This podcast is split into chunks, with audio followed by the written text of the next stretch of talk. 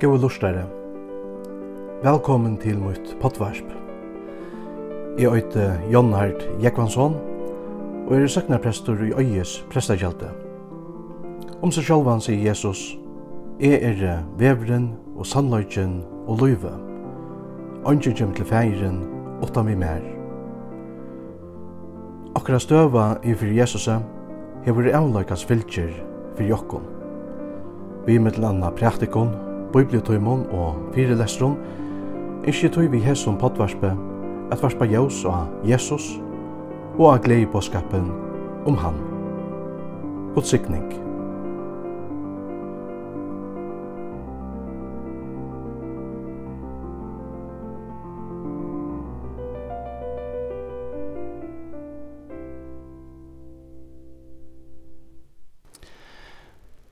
Og i fjallapratikene sier Jesus, gengje inn om mitt trånga postre, til at vitte postre og brøyur er veveren og i fører til undergengs, og mange er teg og genga inn om teg.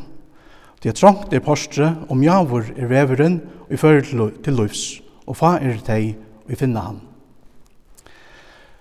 Jeg var det kanskje ikke vil tala så negv om just dette evne i okkara samtøy, så er just hekta korsen nekka som er holdt avgjerande i Jesu undervisning og i bøyplene som har holdt. Det er jo tvær veier å velja i middelen. Og mennesker genka enten at du øyna venon, etla og hinon. Ongen trie vever finst. Ongen middelvevor finst. Jesus gjør pura grått for jokken, enten genka vi at vi brøya venon, Vi fører til undergengs, etla genga vi at du mjoa vennon og i fører til lufs. Akvarium vegi genga to og e. Det er den brennande spurningren som Jesus legger fram for jokkon her og i dag. Og sverre til enda spurningen botnar i en øren spurningen, nemlig hevet to Jesus. Øye to Jesus.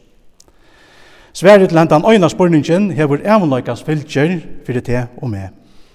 Sverre til hentan øyna spurningin viser okkon om vi genga at vi brøya vennon vi fører til undergengs, etla om vi genga at vi mjoa vennon vi fører til løvs. Og i dag er vi så start sauna saman om hin tøytningarmesta spurningin så vi iverhøver kunno saunast om. Hevet til Jesus. Biblia iver misjonsvikna i Karmel sier det så grøtt som det iverhøver kan sigast. Den som hever sonen, hever løyve.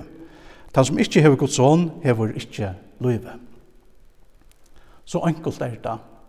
Og så alvarsamt er det øsne. Jesus løser øsne seg sjalvan bæge som dittnar og som vegin. Jeg er dittnar, sier Jesus. Gonger nekkar innom meg, skal han være bjergavur. Og så sier han øsne, jeg er vevren og sannløyken og løyve. Ongen kjem til feiren åttan vi mer. Men hva er det så som gjør hitt trånga postre så trångt? Hva er det som gjør hitt mjoa vegin så mjoan? Jo, Sverige er okkar ekna hjärsta. Talan er altså ikke om nekka snævur tja Jesus. Her at, at møte er talan om okkar ekna, eller ekna naturliga motvilja møte gode. Det blir ikke nekka godt i okken sjolvun, så vil heva nekka vi god a gjerra. Tvers i møte er vi så å sija født inn i entan høymen, vi er ikke noen ventun i møte gode. Det er altså møtviljen og jakker egnu gjørstun som gjer hitt trånga postre trångt, og i mjoa vegin så joan. Jesus han sier enda, Ongen kan koma til moin, ongen kan koma til moin, og den fægiren som sendte meg, drever han. God ma kalla og halokkon inn til sin sjálfs og inn i himmelen. Til åttan god i okra løyve er vi, som Paulus og sier, deg i okra miskjeron og syndon, sier han i Efserbraun. Om man er deigjør, så fer man ikke gjøre nekka som helst. Og så er det østene vi okkon. Vi får ikke gjørst i okkon sjálfon, da det snur seg om hekta og støya i om fra deianon til løyve. Men Jesus, han bæg kan og vil frelse okkum fra undergengje og tilhitte avia løyve. Det er det som han vil vi okkum. Og det kan han til at han er, som sagt, sjølver vevren og sannløygen og løyve. Bæra vi hånden kommer vi til ferien.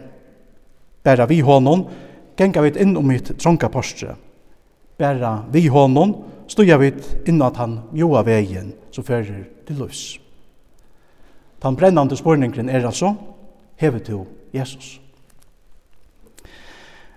Utliten i tøymon som ikke hava Jesus er jo sykelig.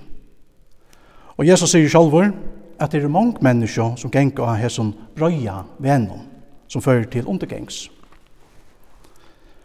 Og i bøkene fra helvetes blekkhus skriver kjente enskje rithøvendren C.S. Lewis om henta sama vegin og sier såleis. Tan vissaste vevren til helvetes er tan som fører lojande her nyer. Tan som er jant hall er bleitur at stuja av, er åttan brottlig sving, åttan værar av enon, åttan løybeinare, sier C.S. Lewis. Men hesen latte og brøye vevren er altså ikke tan vevren som Jesus vil hava okkona genga av. Tvørst måte møte vil han at, at öll skulle være frelst, til hans er vilje i öllum menneskjum. Tøy legger han framfyr okkon, begge løyve og deian, sikningsna og banningsna.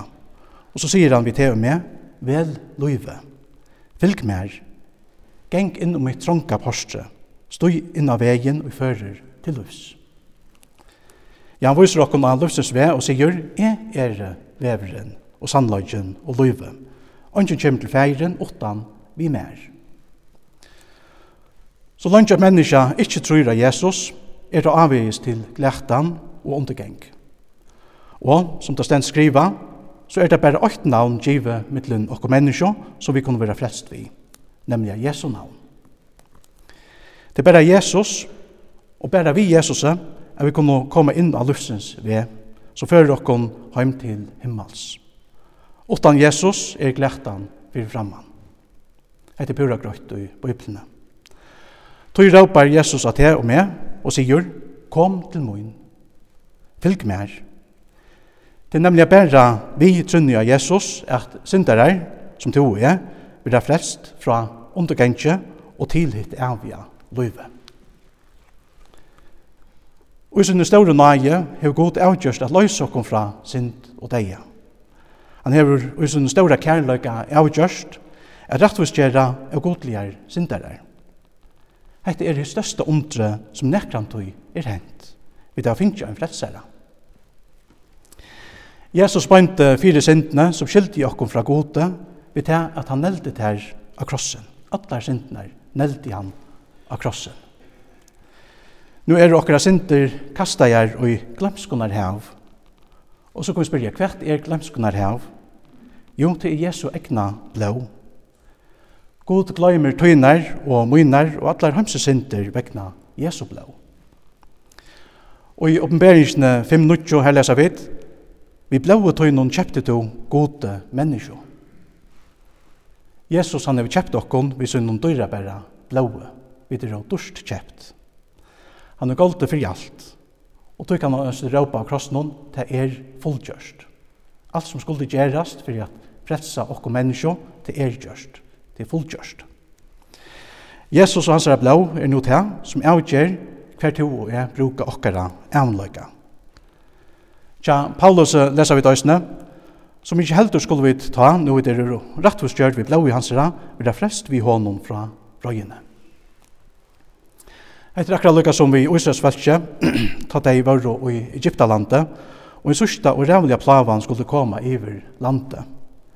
God gav tar man et fredsotekjen, nemlig blåa av påskalanden. Om det er smurt og blåa av dorastaven, så skulle de være bjerga og frelst. God sier, ta i suttje blåa skal det være omtikkom. Han sier det samme i det, og hikker etter, og vi tar smurst Jesu blå og okkara hjertans dorastav, så han sier. Hvordan er det vi tar og mer? Her var vi Jesus. Her var du Jesus er hans herra blå tøyt frelsetekjen. Du skal vita at dette er det øyneste som heldur bæge og i løyve og deia, nemlig Jesus. Og hans herra blå. Og i Røyre brev noen 3.25 skriver Paulus at god til å sette Jesus fram som en nøye stål. Og så kan jeg spørre, hva er en nøye ståler? Jo, nøye ståleren var i kjalltempelen til jødene, Uh, og i Erro Mosebok 25, her leser vi om byggneien av sottmåløsene. Og her leser vi at Moses fikk på om å gjøre et sottarlåk, som skulle lykkes, eller lykkes om man av øskene. Og i vers 22 i samme kapitlet, her leser vi at God sier vi Moses, her skal det komme av fund vi til. Her skal det komme av fund vi til. Sottarløsje er det samme som nøye ståleren. Det er det samme. Vi leser oss i Hebreabrav 95 at rithøvendren til brevet kallar sottalotje for nøyestålen. Her skal det komme av fund vi til, sier god. Og sånn er nøyestålen er en firemynd på Jesus. Det er nemlig at vi, Jesus, at vi kommer av fund vi god. Åttan Jesus, det er rett seg altså ikke gjøre. Så de som glættast, glættast i grunden vi bøtton, syndon, Nu er det bare i grunden en synd som mennesker glættast av, og til synden at rekka Jesus, at rekka frelsaren. Og etter det som er avgjørende for åkken öll, öll mennesker, at her var Jesus eller ikke. Det er bare en vever til frelse. Og det er veveren som er gjørt vi Jesu blåe, den veveren som god er gjørt, for å bjerke åkken. Ongi vevor hefur nekrant du kosta så negv, men vegna så ståra kærløkka til okkon sparte god ikkje sin egna son for å gjere henda vegin til tøyn og møyn. Så vi kom til å genga inn til litt avvia løyve. Om man ikkje gonger av hesten her løfsens vege, så gonger man av hinn brøya venon og fører til undergengs. God vil ta at öll menneskje skulle være frelst. Men om vi rekka Jesus, så vrekka vi oss nytt avja løyve som han rettir okkon. Så som sagt, den avgjørende spørningen er spørningen om Jesus. Her var vi han. og i Jesaja 8 og 18 her leser vi Kome, lett jokken færra fyrir ratten, sier Herren. Om synder tikkara er som skarlakk, kun der vera kvitar som gjødl. Om der er reier som porspor, kun der vera kvitar som odl. Og Jesu blaue vera vi tvien røyn fra atlare synd. Og vi få Jesu fullkomna rattvise. Så okkara frelsa og loiv ligger i Jesu blaue.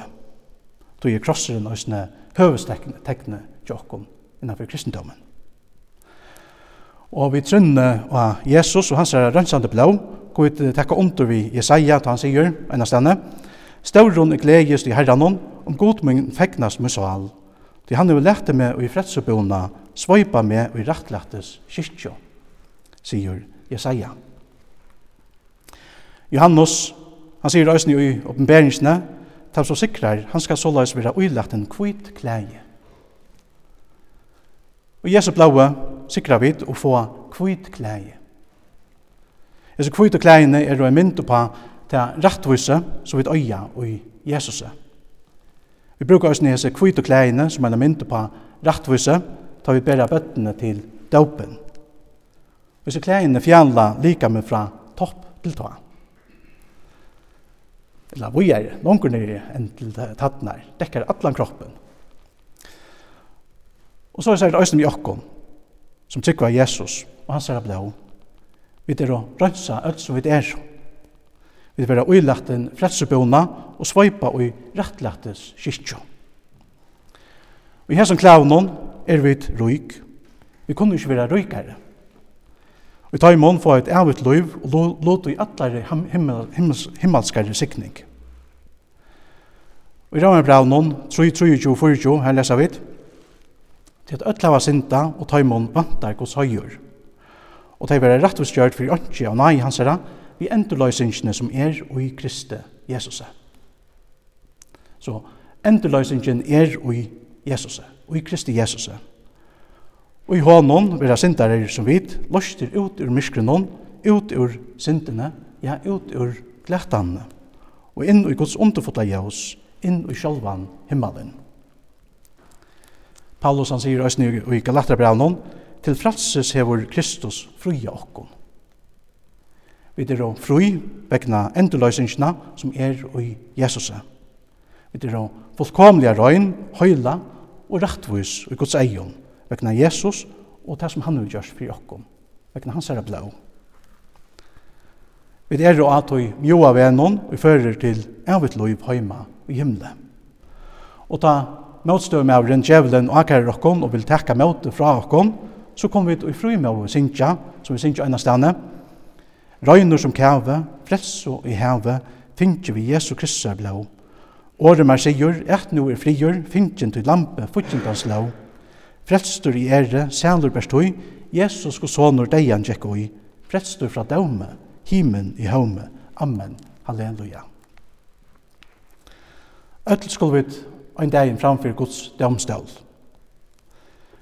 Men de som hava Jesus vil ikkje fordømt av hesson deg tog de er og rettvistgjørt ved syndene av Jesus. Da heit det sagt, sier Guds år øsne samståndes, at alt de som rekka Jesus vera fordømt. Men Gud vil ikkje at vi skulle glættast. Det vil han ikkje fyrir nekra menneska. Nei, han vil at vi alt skulle vera bjergei og frest. Profeteren Ezekiel, han sier tøysen såleis, Man i hava a deia hins godleisa, nøy, men at han venter fra sin vonda vege, så at han må liva. Det er Guds vilje vi okkom. Guds frelsevilje er den samme og i det. Og tog jauar er samme kattelig øysene og i det. Vel nu løyve, fylg mer, geng innom mitt tronka postre, Stoi inn av vegen og i fører til løyvs. At døma deg er det ønsken fordøming for deg som heva Jesus de er frelst fra glættan og frelst til hitt avja løyve heima i himle. Hva så vidt heva hos ekne åre på frelsna og Jesus, så kan det ofta være at vi kjenner okkon fordømt på en eller annen makta. Okkar ekne hjersta, det kan fordøme okkon, heimren kan fordøme okkon, og djevelen kan òsne fordøme okkon. Men just her er Romerbrevet 8.8 galtande for okkon så er det nå ønsken fordøming for de som er i Kristi Jesus. Ønsken fordøming. Og i bøkene Hetland, som Bogerst er skriva, her leser vi om hvordan hjelperpresteren Savonius blir sendt til en gamlan dødkjente mann. Hvis den gamle maveren, Johannes, er stattur i en øyligere salarnei. Da presteren så kommer til sønnsina kjesner mannen, og sier Guds frigjør ver vi der, så sverar jeg sånne gamle mauren, Nei, ikkje vi mer, ikkje vi mer, er vi glættan, refsing etter male sindana, brøyedamren og eldren er om min lotor, sier jeg sånne gamle mauren. Vi mer skal han sija, færre borste fra mer, banna og tid, og inn avja elden, sånn vi kjafta godt til mauren. Presteren røyner alt hva han kan, at trosta Johannes, men ikke rikkar, Han ligger bare her og kremer seg om sitt egna ønta hjärsta og sina synder.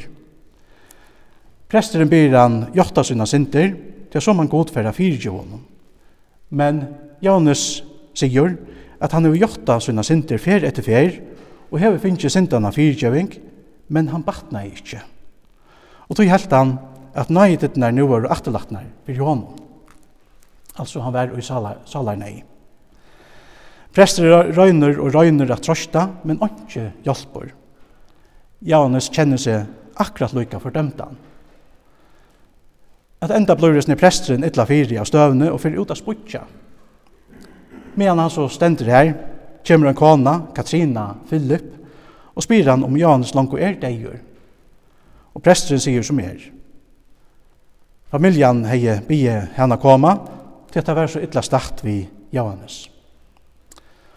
Og det enda så vi tog at Katrina, Philip, fær seg et prat vi Johannes. Da hun kommer ivet til sønsjene tja honom, er han glad for å suttja Katrina.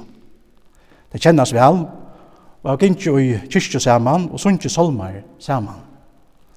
Han sier at hon er et, et godt folk, og god vil løne henne. Men han sier øsne, at god vil refsa han vegna sitt eurøyna hjersta, Og så sier han oppgjevande at han er en større syndare. Katrina, hon sverar jottande og sier, ja, Janus, du erst en større syndare. Men Jesus er en større frelsare. Janus heldur korsen i anby a gremja seg og sier at han hever et eurønt hjärsta og en øndan ho. Letta sverar Katrina at Jesus ikkje er komin a kalla rattvisar, men syndarar. Og Johannes sier at han manglar iran og omvending. Katrina hon sverar at det er det som han manglar, men trygg. Hon sier at han skal trygg for Guds år som sier tog som ikke gjør gjerningar, men tror av han som rattvis gjør og godlig han, vil for han seg rakna til rattvise. Søttene leser hun òsne Johannes evangeliet 8, 22, her det stendur, «Suikus lampe som ber sind heimsens.» Janus spyr, ber han òsne sintna som bor i munnen aurøyna hjärsta? Og Katrina sverar, ja. Men er i fotlor og sint vi samanlega, sier Janus. Og Katrina sverar, ja, så vurst som Paulus òsne var fotlor og sint. Heftu ongan tøy lys i årene til Paulus, til at jeg vet at det ikke bor nekka godt om jeg, det er i munnen holdte, det vilja er man ikke men at, men at ute inna hitt gaua er ikkje mentor, sier Paulus. Ja, så er teskeie Johannes. Og så at enda sier han, Oit anna år at rett Katrina, oit mått mykje år, og i tog. Så ble jeg jo oppe i bøyplene, og leser Rømmerbrevet 3, 23 og 24, fyrir jonom. Her det stendur, til at ødla var sinta, og tøyma vantar hos høyur, og de vera rettvisgjørt for ønske av nøye hansara vi endurløysingene som er i Kristi Jesus. Og så fikk Johannes salarfri, og teska jeg at enda Amen i tryggve. Og i to hentan sama salarfrien, kan du lukka som Johannes sier Amen i tryggve. Alt botnar, som sagt, i Jesu øyna spurningsnum om Jesus. Her var vi Jesus. Og så er det ikke her, så er du gengjen inn om mitt tronka postre, og du gonger av hinnom mjoa venon og fører til lus. Nu kan du lova gode, lukka som Petter, gjer vi fyrra persbrevet, kapitel 8, 3 og 4.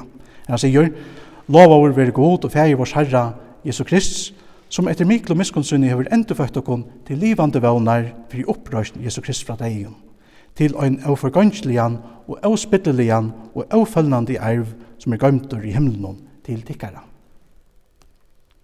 Hever to ein euforgønnslian og euspittelian og eufølgandi arv heima i himmelen, altså ikke framtid. Her var vi til. Om du hever Jesus, ja, så hever du alt dette rydstømme at glede om og feknast om. Men om du har at måte ikke hever Jesus, så hever du heller ikke dette her rydstømme. Tør så gingen inn om mitt via postre, og du gonger at du brøya venon og fører til undergengs. Men hetta er ikkje Guds vilje vi nøkron av okkom. Tvers så møte vi land, heva te, med, og öll menneskje inn at han mjoa vegin som fører til avut loiv. Lukka som fra fyrstan tøy, kallar Jesus tøy, og menneskjo i det, og sier, vendi om, det himmelrykje er i nånd. Hetta var det som Jesus prætika i av sinne, og etter det samme som han sier i det. Vi er okkur menneskje. Vent jo om, det himmelrykje er en hånd. Det er bare Jesus som kan frelse okkur fra undergengje, og gjøre okkur hitt evige løyve. Det er bare han som kan gjøre okkur hinn overgangslige og avspittlige og avfellende arven høyma og himle. Så vil jeg enda vi kaller noen tja profeten og Jesaja, han sier, Løyte til Herrans, mian han er a finna.